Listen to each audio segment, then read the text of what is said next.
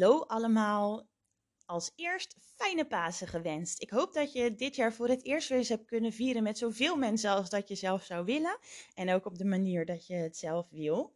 En ik kom er dan toch nog eventjes in op je tweede paasdag met een cold case. Het is een korte aflevering, maar juist omdat het een cold case is en nog niet is opgelost, des te belangrijker om hem toch te doen.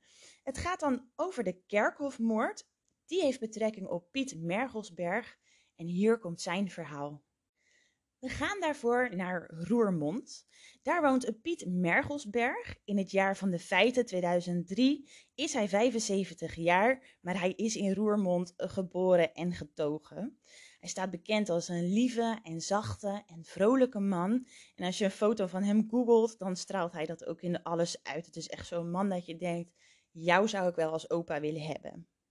Heeft veel mensen die gek op hem zijn. Zo ook Tini, dat is een dame die uit dezelfde omgeving komt en waarmee hij trouwt. Hij gaat samenwonen in een andere buurt, nog steeds wel in Roermond. En zij krijgen twee dochters en één zoon. Piet is een harde werker. Hij werkt eerst in de mijnen en later in de bouw. En Tini is ook een harde werker. Zij zorgt thuis voor de kinderen. En het is zo'n uitzonderlijk stel die, ook al zijn ze al jaren getrouwd, waar het nog altijd van afspat dat ze stapelgek op elkaar zijn.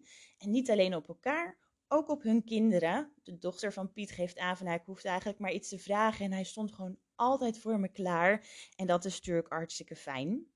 Nu was hun huis echt wel een soort van open huis, een zoete inval. Er waren altijd mensen welkom. Ze hielden wel van een feestje, van een lekker pilsje. Dus eigenlijk was het gewoon echt een feestje om in hun huis en bij dat gezin te zijn, als ik het zo lees.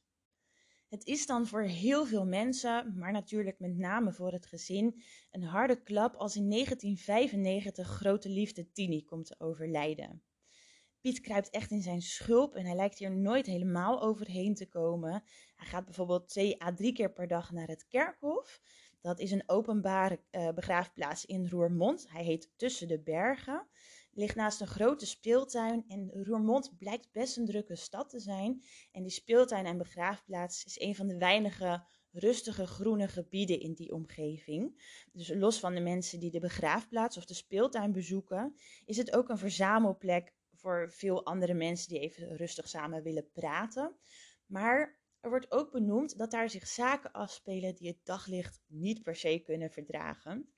De politie geeft dit aan. Zij benoemen niet helemaal wat er dan speelt. Maar mijn gedachten gaan dan uit naar, naar drugs of wat dan ook.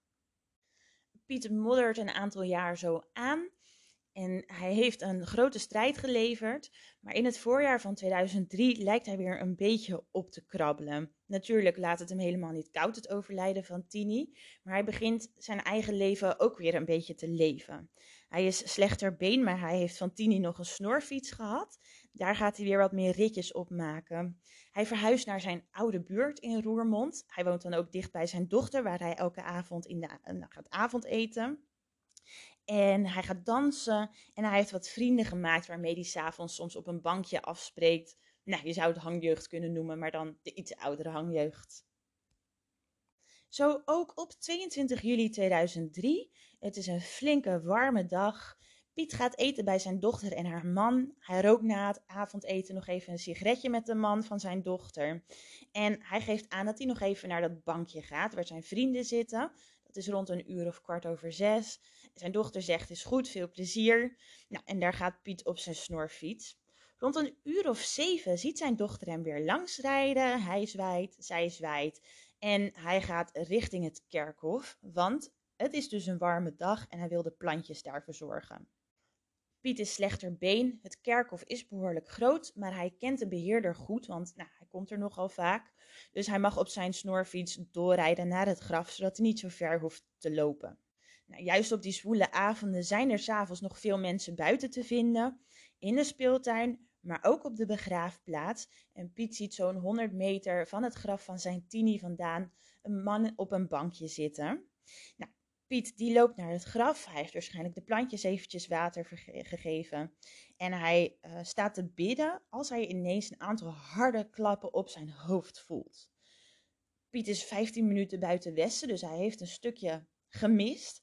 Maar hij komt dan weer bij en ik weet niet hoe hij het doet, maar hij staat op en weet nog bij zijn snorfiets te komen.